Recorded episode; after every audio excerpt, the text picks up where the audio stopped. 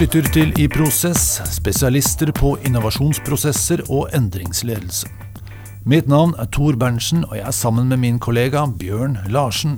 Vi er her i biblioteket på Grand Hotel, og du har skrevet eh, noen blogger om innovasjon som vi skal diskutere litt nærmere. Hva er det som engasjerer deg i denne sammenhengen, Tor?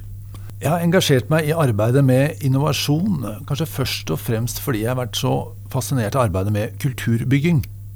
Mm. Og mine ambisjoner har hele tiden vært å bidra til en fremtidsrettet bedriftskultur som forsterker implementeringen av strategien. Og I dette arbeidet så har jeg oppdaget at det er to typer innovasjon som eksisterer. To, eller to typer tilnærminger, kan man si. Mm. Det ene er lukket innovasjon, og det andre er åpen innovasjon. Og det viser seg at eh, Måten jeg har jobbet med innovasjonsprosesser på de siste 15 åra, har i stor grad vært lukket innovasjon. Altså en liten gruppe smartinger som er til stede i et rom og finner på noe lurt, eh, som de da får til å bli realisert litt senere. Mens åpen innovasjon er noe helt annet. Da involverer du store grupper ansatte i en ganske detaljert og omfattende idémyldringsprosess før man strammer det inn og tar den mer lukkede varianten, da, hvor eh, noen begrenset antall smartinger kvalitetssikrer og videreutvikler de beste ideene. Ok, Så det det egentlig går på, er hvordan ideer genereres, altså med et bredt tilfang fra mange deltakere, eller med et mindre eksklusivt nett av spesialister, ledere? Ja, Absolutt. Okay. Hmm. Det er den store forskjellen. Og så kan man si eh, det er styrker og begrensninger der.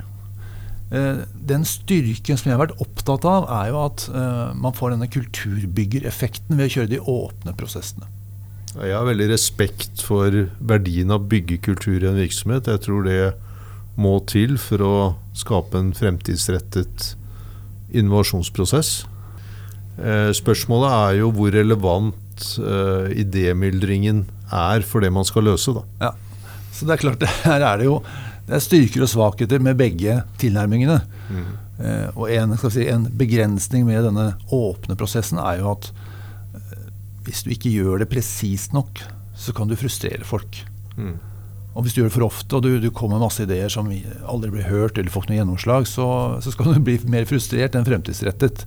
Mm. Det, er, det, er, klart. Eh, men du Bjørn, du har, du har vært toppleder i mange virksomheter over flere år. Eh, når du hører på denne, de to perspektivene, hvilken prosess er det du har vært vant til å kjøre? Ja, jeg er nok uh, mest, eller definitivt mest vant til en lukket prosess. Ja. Jeg var ikke klar over den definisjonen før nå, men uh, uh, altså jeg er jo veldig positiv til en veldig åpen dialog med alle ansatte. Eh, slik at meningsytringen kommer på banen ja. og, og, til ledelsen. Men når det gjelder å gjennomføre kraftige innovasjoner for en virksomhet, uh, og da mener jeg noe som endrer forretningsmodell, skaper et nytt produkt eller en ny tjeneste, så er det min erfaring at det fungerer veldig godt i lukkede prosesser men da at man ikke bare drar nytte av ledergruppen, men av spesialister på det relevante området. Ja. Både internt, men også eksternt, hvis man trenger den kompetansen. Mm. La oss rydde litt i begrepene før vi går videre. Mm. Dette med åpen og lukket eh, Jeg er veldig vant til at folk snakker om åpen innovasjon. Men eh, ja, det er sjelden jeg hører folk snakke om lukket innovasjon. Det kan godt hende at uh, man ville brukt et annet begrep. da, Si at det er mer begrensede strategigrupper osv. Så, uh, det er ikke sikkert at lukket innovasjon er et sånt begrep alle bruker. Jeg bruker det bare som en kontrast til Nei, åpen. Men, eh, men, fair enough, det, det, skiller i denne samtalen i hvert fall. Uh, mitt, mitt poeng er jo at skal en innovasjonsprosess ha kraft, så må den være strategisk befestet. Ja. Altså, innovasjon starter med innovasjonsstrategi.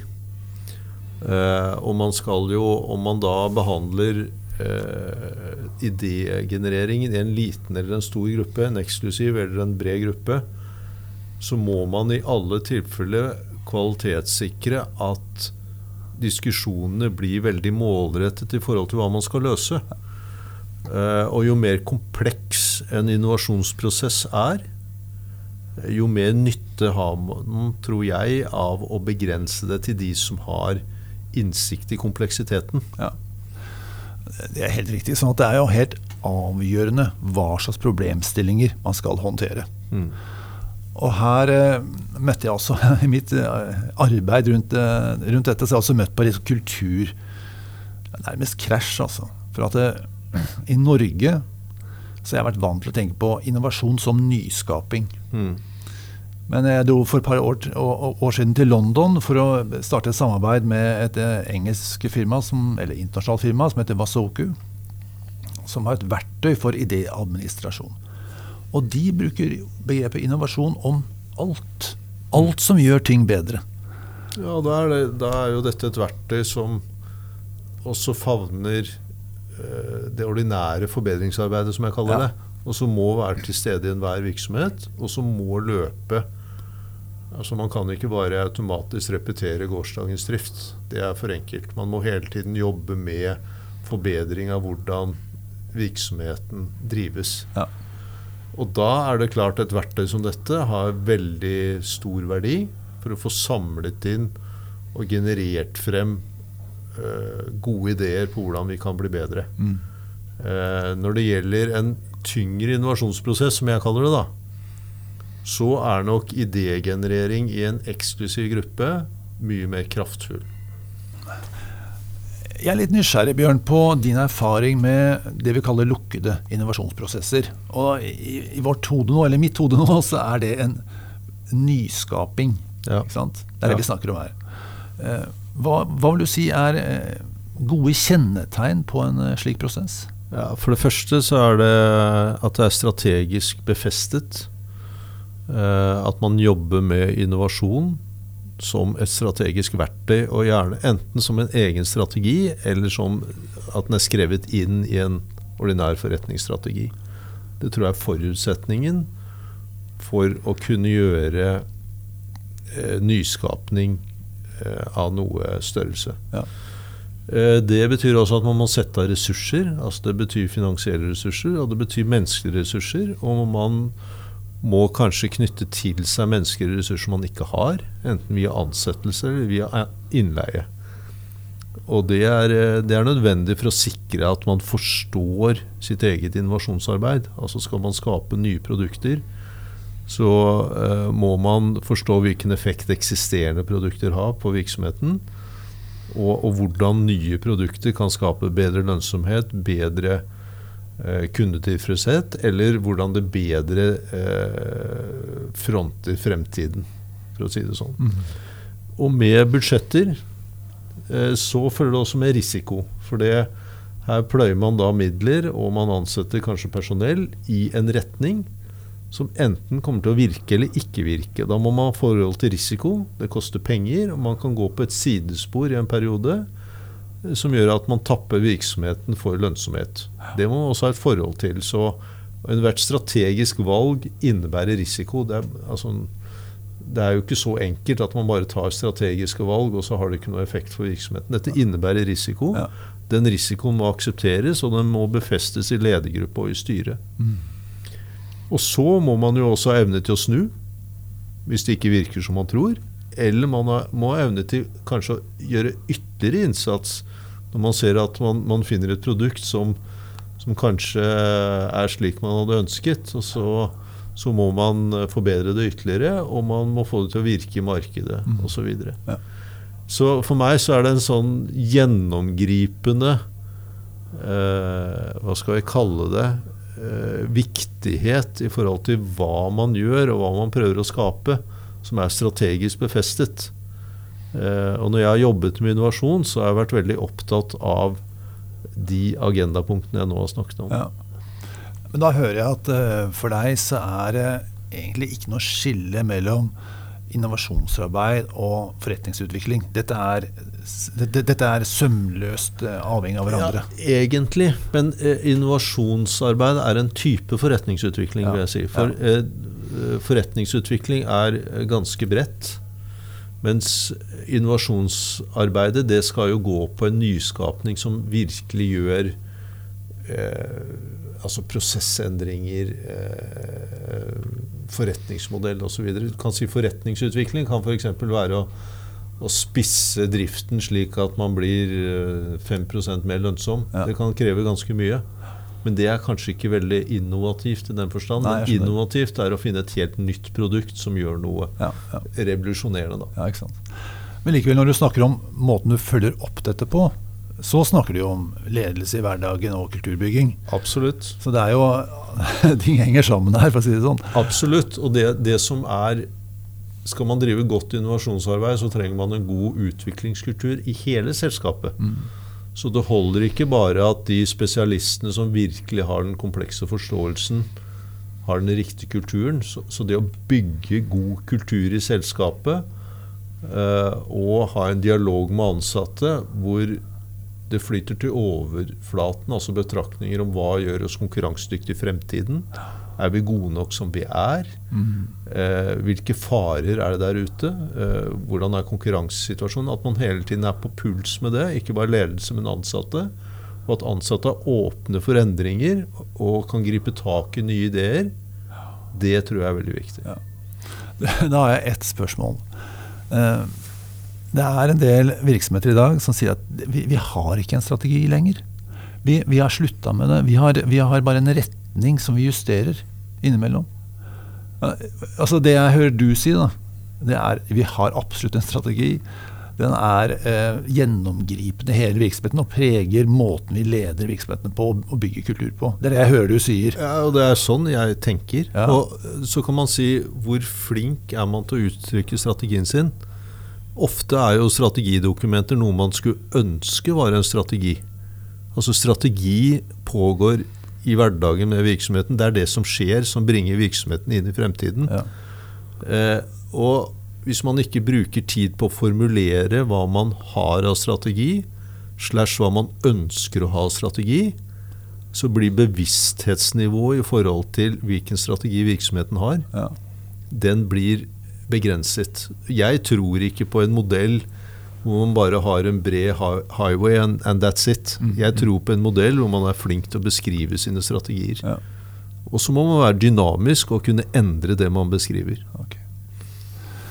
Nei, men Interessant. Jeg tenker at vi har uh, grunnleggende uh, ganske felles holdning rundt dette. Men tilnærmingen, da, hvis vi tar åpen innovasjon, så er den litt annerledes den, er ikke, den utfordrer ikke ditt tankesett, men så kan man supplere den måten å tenke på ved å involvere flere mennesker i strategiarbeidet. Nei, ikke, ikke strategiarbeidet, men i den strategiske innovasjonsutviklingen. Mm.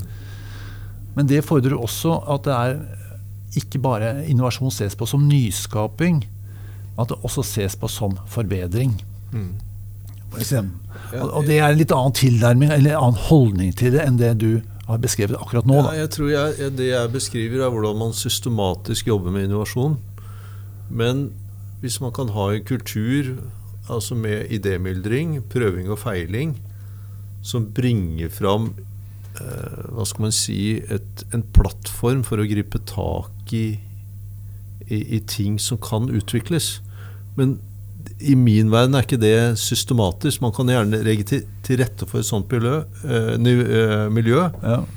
men man får ikke der en strategisk innovasjonsutvikling, som er det ledelsen i størst mulig grad kan bidra til. Ja, jeg skjønner. Ehm, jeg tok meg en tur til London, samarbeidet med Wasoku, som har en, en innovasjonsplattform de kaller ID Spotlight, som vi nå formidler. Og når jeg fasiliterer eh, innovasjonsprosesser med den plattformen som verktøy, eh, så gjør vi alt det du sier. Eh, I hvert fall så er det ambisjonen. så kan man jo diskutere i hvilken grad man lykkes med det eller ikke.